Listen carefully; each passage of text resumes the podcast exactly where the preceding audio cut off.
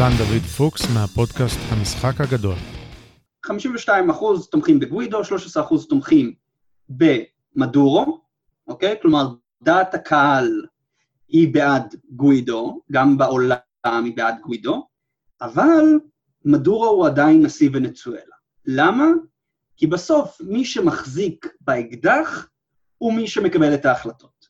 זה היה נכון לפני עשרת אלפים שנה, כשזה היה מי שמחזיק בחרב, זה נכון היום כשזה מי שמחזיק באקדח, וזה יהיה נכון בעוד חמשת אלפים שנה כשזה יהיה מי שמחזיק בלייזר או בתותח פוטונים, אוקיי? כלומר, הדעת קהל היא חשובה, ואתה יכול לתקוף דעת קהל, ועושים את זה. אנחנו היום נמצאים בשלב של מה שנקרא לוחמה היברידית, אפשר, אפשר גם לדבר על זה, זה, זה לפתוח רגע משהו אחר, אבל אם אנחנו ניכנס, בסוף הדבר שמכריע זה כוח קשה.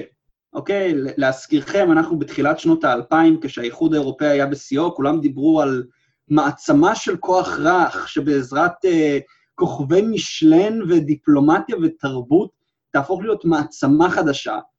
והיום אנחנו רואים את האיחוד האירופאי קרוע. אה, אגב, מת... מקרון, מקרון עדיין מדבר על מעצמה אירופאית.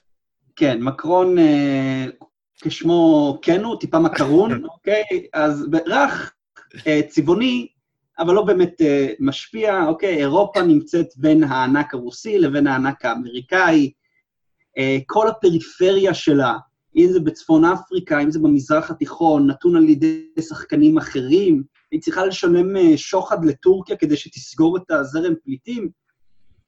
ולמה כל זה? כי אין להם את הכוח הצבאי לבוא ולממש את המדיניות שלהם. אין להם את האקדחים ואת הטנקים. אני לא אומר שדעת קהל זה לא חשוב. אני לא אומר שחזון זה לא חשוב, אבל בסופו של דבר אנחנו צריכים להבין שהמציאות היא ניאליסטית, אוקיי? זה שאתה צודק, וזה שאתה מוסרי, וזה שכולם בעדך זה נחמד, אבל בסוף הבחור עם האקדח הוא זה שיחליט.